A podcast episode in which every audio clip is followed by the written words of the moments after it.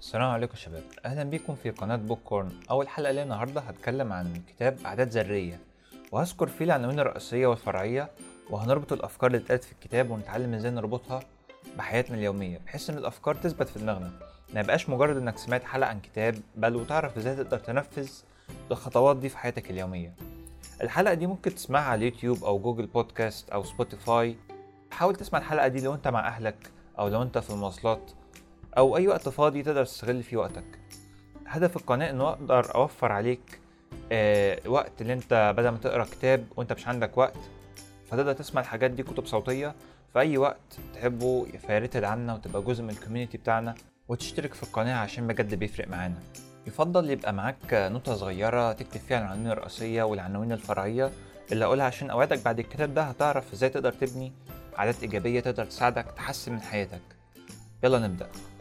العادة هي عبارة عن سلوك أو روتين معين بتعمله بانتظام وبتعمله بشكل أوتوماتيك أو تلقائي. أما الذرة هو مقدار شديد الصغر لكن في نفس الوقت مصدر لطاقة هائلة زي القنبلة النووية اللي ممكن بسببها يحصل انفجار هايل. الكاتب في بداية الكتاب بيتكلم عن الإصابة اللي حصلت له وهو صغير وكان بيلعب كرة المضرب وتعافى بعد 8 شهور من الإصابة ودي كانت فرصته إنه يراجع نفسه وإنه يبدأ يبني عادات إيجابية. حاجات بسيطة زي إعادة النوم بدري ترتيب السرير تنظيف الأوضة بتاعته الأكل الصحي بعد التمارين البسيطة وحاجات تانية بسيطة جدا. بس أنا حابب هنا أكد على حاجتين مهمين جدا يا جماعة. أول حاجة إنك وأنت بتبني عادة أو تتعلم مهارة معينة تتعلمها وأنت متيقن إنها تنفعك قدام. ماشي؟ يعني بنشوف طلبة كتير جامعيين بيكسلوا ياخدوا كورس إنجليزي أو أي سي دي إل أو حاجات تانية آه، طول سنين الجامعة بتاعتهم. بيستنوا لما يجي يتخرجوا ويجوا قبل الشغل ياخدوا كل الحاجات دي عشان يلحق يتقبل في أي وظيفة. طبعا مش بيبقى عنده وقت اولا بعدين مش بيبقى اتعلم نفس كفاءة الشخص اللي اخد الكورسات دي أول ما دخل الجامعة. غالبا بينتهي بالمطاف إنه مش هيتقبل في الوظيفة. عشان كده لما تيجي تسأل أطفال ليه ما بتعلموش أي مهارة بسيطة بيحتاج يتعلمها قدام زي مثلا الكتابة السريعة على الكمبيوتر. دايما بيكون رده إنه مش هيحتاج يتعلم الحاجات دي دلوقتي فالهدف من كلامي ده كله إنه لازم يكون عندك هدف واضح على المدى الطويل وإنك تتعلم مهارات وتبني عادات إنك ويكون عندك رؤية واضحة تفيدك قدام إن شاء الله. تاني حاجة اعرف إن الحاجات الصغيرة اللي بتعملها في حياتك اليومية هتأثر على حياتك قدام سواء عادات إيجابية أو عادات سلبية. لو أنت مش مدخن بس أصحابك بيدخنوا وأنت بتقف معاهم كتير أثناء ما بيدخنوا في يوم من الأيام هتلاقيك بتجرب تشرب سجاير معاهم. لو أنت اتعودت دايما إنك تروق سريرك أول ما تصحى وتنظف غرفتك بانتظام برضو هتتجه ناحية إنك إيه تبقى شخص منظم وحتى لو أنت مش واخد بالك. يعني ما تستهونش بالحاجات الصغيرة دي. يعني حتى الكاتب نفسه قال قال في الكتاب إنه ما شافش تأثير العادات بتاعته غير بعد ست سنين من المواظبة والاستمرار. طبعا حسب العادة اللي أنت عايز تبنيها. التغيرات اللي شكلها تافهة دي بتبقى بسيطة في الأول لكن مع المواصلة والتكرار في يوم من الأيام هتلاقي الموضوع فرق معاك جدا. كان ليا صديق كل يومين عم بيكتب مقال على الإنترنت كان متوسط مشاهدات 20 مشاهدة 30 مشاهدة. ده كان بالنسبة له قليل جدا كان في ناس كان بيجيب أرقام كبيرة جدا. لكنه كان بيركز على العادة نفسها مش على النتيجة. لغاية ما في يوم من الأيام أحد المقالات اللي هو كتبها واحد مشهور شافها وراح مشيرها عنده على الصفحة. وفي خلال يومين بالظبط المقال جاب مليون وتلتمية ألف مشاهدة. فالرقم ده كبير طبعا كان مستحيل يجي من غير العادة اللي كان بناها في الأول وإنه يركز على العملية نفسها مش على النتيجة. النتيجة هتيجي طالما أنت بتركز على العملية اللي أنت بتعملها بس لكن العكس ما بيحصلش. تاني فكرة الكاتب بيتكلم عنها هو سر التحسينات الصغيرة اللي ممكن نشوفها تافهة لكن بيكون لها أثر كبير في المستقبل. كان في سنة 2003 الكاتب بيحكي قصة مدرب مسابقات العجل المشهور ديف بريفورد وهو اللي مسك فريق العجل البريطاني اللي قعد أكتر من 50 سنة. ما كسبش ولا بطولة. المدرب ده كان متخصص في العادات وكان بيؤمن جدا بسر التحسينات الصغيرة اللي إحنا اتكلمنا عليها. فبدأ يركز على اللاعبين على حاجات قد تبدو تافهة زي كرسي العجل ومسح الإطارات بالكحول عشان تبقى ثابتة على الطريق ولبس نوع معين حتى من الشورتات وحتى نوعية الملايات اللي كانوا بيناموا عليها بتاعت السرير برضو غيرها. صدق أو لا تصدق إن ده كان عامل كبير جدا إن هما في 2008 الفريق البريطاني رجع تاني على القمة في الأولمبياد. عايز أنوه عن حاجة هنا يا جماعة معلش. أنا بذكر العناوين الرئيسية بعدين العناوين الفرعية والأفكار المهمة اللي الكاتب قالها. بعد كده بذكر أمثلة كتير. ان الامثله كتير دي أنا بكترها ليه؟ علشان بحاول أزود فهمك للكتاب. يعني أمثلة اللي أنا بذكرها دي كلها بتبقى إما أمثلة بنشوفها في حياتنا اليومية إما فعلا أمثلة في الكتاب. بحيث إن تقدر تحل المشاكل اللي تحصل لك في حياتك اليومية بنفسك.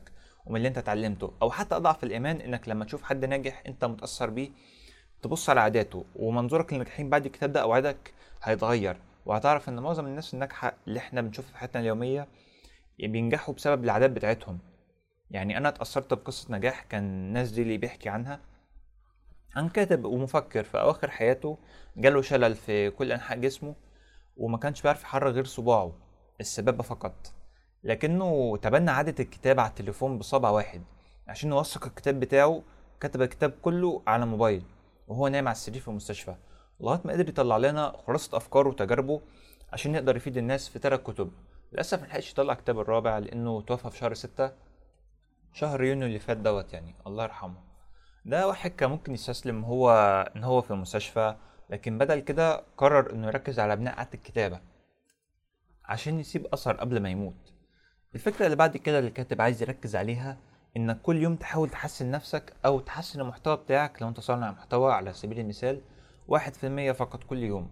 وبالحسبة البسيطة دي أنت خلال سنة هتكون أحسن سبعة وتلاتين مرة من اللي كنت عليه.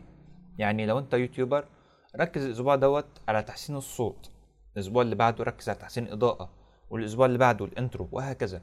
لكن مش تقوم في أول أسبوع تتعلم كل الحاجات دي لأنك كده هتتقن ولا شيء. برضو تراكم المهارات على سبيل المثال لو انت كل شهرين قررت تتعلم برنامج بسيط زي ال Photoshop أو ال Illustrator أو غيره في خلال سنة انت مش هتكون اتعلمت ستة برامج بس لأ وكمان هتكون متقنهم والأتقان بيتطلب صبر ودي بتبقى المعضلة الأساسية للناس اللي هم عايزين يبنوا عادة معينة وفي نفس الوقت مستعجلين النتائج فدي بتبقى معضلة كبيرة. الفكرة اللي بعد كده في الكتاب هو النظام والهدف. لو أنا دلوقتي خيرتك ما بين طريقة تفكير أحمد ومحمد اللي هما الاتنين فرحهم كمان شهر وعايزين يخسوا. أحمد قرر ان فرحه كمان شهر فحط هدف إنه يخس عشرة كيلو خلال الشهر ده قبل فرحه. لكن محمد قرر إنه يبني نظام كل يوم يلعب تمارين لمدة ساعة عشان يبقى شخص رياضي وبرضه هيخس قبل فرحه. هتشجع طريقة تفكير أنهي واحد فيهم؟ أحمد هيخس قبل فرحه وكل حاجة لكن بعد فرحه هيتخن تاني عشان السبب اللي كان بيخس عشانه خلاص أصلا اختفى. لكن محمد قرر إنه يعتبر الرياضة دي كأسلوب حياة وكمان جزء من هويته وإنه يبني نظام عشان يبقى شخص صحي. عشان كده محمد هيخس قبل فرحه برضه وفي نفس الوقت هيفضل محافظ على جسمه بعد الفرح كمان. الكاتب بيروج لفكرة إنك ما يبقاش عندك هدف بس بدل كده اعمل نظام تلتزم بيه وده لأسباب التانية. أول سبب إن الناجحين والفاشلين عندهم نفس الهدف لكن إيه اللي بيفرق ما بين اللي حقق هدفه واللي محققش هدفه؟ أنت فاكر مثلا إن الطالب الفاشل في الجامعة ده عايز يبقى فاشل؟ لا طبعا بالعكس. هو ده نفسه يبقى الأول كمان على دفعته لكن بيكون كلام بس. الناجح كان عنده نظام يمشي عليه ونظام مذاكرة معين خلاه يتفوق. تاني سبب إن تحقيق الهدف حاجة لحظية وأول ما سبب تحقيق الهدف ده بيختفي الهدف نفسه بيختفي. ده نفس السبب اللي خلى أحمد في المثال الأول يبطل يلعب رياضة بعد فرحه. لأن خلاص فرحه خلص. تالت سبب الكاتب بيقول عليه إن الأهداف تتعارض مع الفترات طويلة المدى وبتقلل من سعادتك. عشان نختصر النقطة دي هحكي لك موقف حصل معايا الأسبوع اللي فات. أحد أصدقائي كلمني وقال لي إنه بقاله 3 شهور بيتعلم ألماني ومفيش تحسن وإنه زهق ومش قادر يكمل. فأنا اقترحت عليه الفكرة اللي أنا قريتها من الكتاب دي إنه مش يركز على النتيجة بدل كده يركز على العملية نفسها أو النظام نفسه اللي هو بيقوم بيه وهو يكون مستمتع بيه فعلا. وهو فعلا ركز على إنه يتعلم ألماني كل يوم لمدة ساعتين وخلاص وكده بقى نظام يومي أو تاسك يومي بالنسبة له. لو خلصه هيبقى سعيد إنه حققه وهيحس بالإنجاز لأن إحنا كبشر طبيعتنا بنبقى دايما عايزين نحس بالإنجاز. فلو الحاجة دي أو الهدف بتاعنا دوت حاجة طويلة على مدة ست شهور ومش هتحس بتقدم هيجيلك إحباط. طبعا هو بيسمع الحلقة دي دلوقتي ويا ريت أنت برضو في الكومنتات تكتب إيه اللي من النصايح اللي في الكتاب دي هتنفذها النهارده بعد ما تقفل الفيديو. برضو حتة تانية الكاتب أكد عليها إنك وأنت بتبني عادة على المدى الطويل لازم تركز على الهوية بتاعتك. يعني ضرب مثال إن لو أنت واحد مبطل سجاير واحد صاحبك عرض عليك سيجارة هتفضل تقول أنهي رد؟ واحد شكرا أنا بحاول أبطل سجاير؟ ولا شكرا أنا مش مدخن؟ الرد الأول معناه إنك بطلت بس في جزء منك لسه مؤمن إنه عايز يرجع يدخن تاني. الرد التاني كان أكتر حكمة لأن معناه انه حصل تحول في هويتك. فالتدخين ده كان جزء من حياتك اللي فاتت لكن ما عادش له مكان في حياتك الحالية. اختلاف بسيط في الرد لكن بيعزز الهوية بتاعتك وبيبني عندك شخصية قوية. هتلاقي الناس اللي بطلت سجاير ومعادش تشرب عندهم ثقة في نفسهم أكتر وفخر بنفسهم عشان هما بنوا هوية جديدة وهوية أقوى. لأن الشخصية دي عملت اللي ناس كتيرة ما قدرتش تعمله. التركيز على الهوية وأنت بتبني عادة بيفرق معاك قوي على سبيل المثال اللي بيبني عادة كتابة المقالات لأنه عايز يبقى كاتب هيبقى الدافع بتاعه أقوى وهيكون فعال ومنتج أكتر من اللي عايز يبني عادة المقالات علشان عايز يتشهر بس. خلاصة اللي فات دوت لو انت شخص عندك هدف على المدى الطويل زي مثلا تعلم اللغة حاول تحط سيستم تمشي عليه كل يوم لفترة معينة وإنك مش تستعجل النتائج. وأهم حاجة إنك تستمتع بالحاجة اللي أنت بتعملها دي. الحلقة الجاية إن شاء الله هنتكلم عن الأربع خطوات اللي بتبقى السبب في تكون العادة.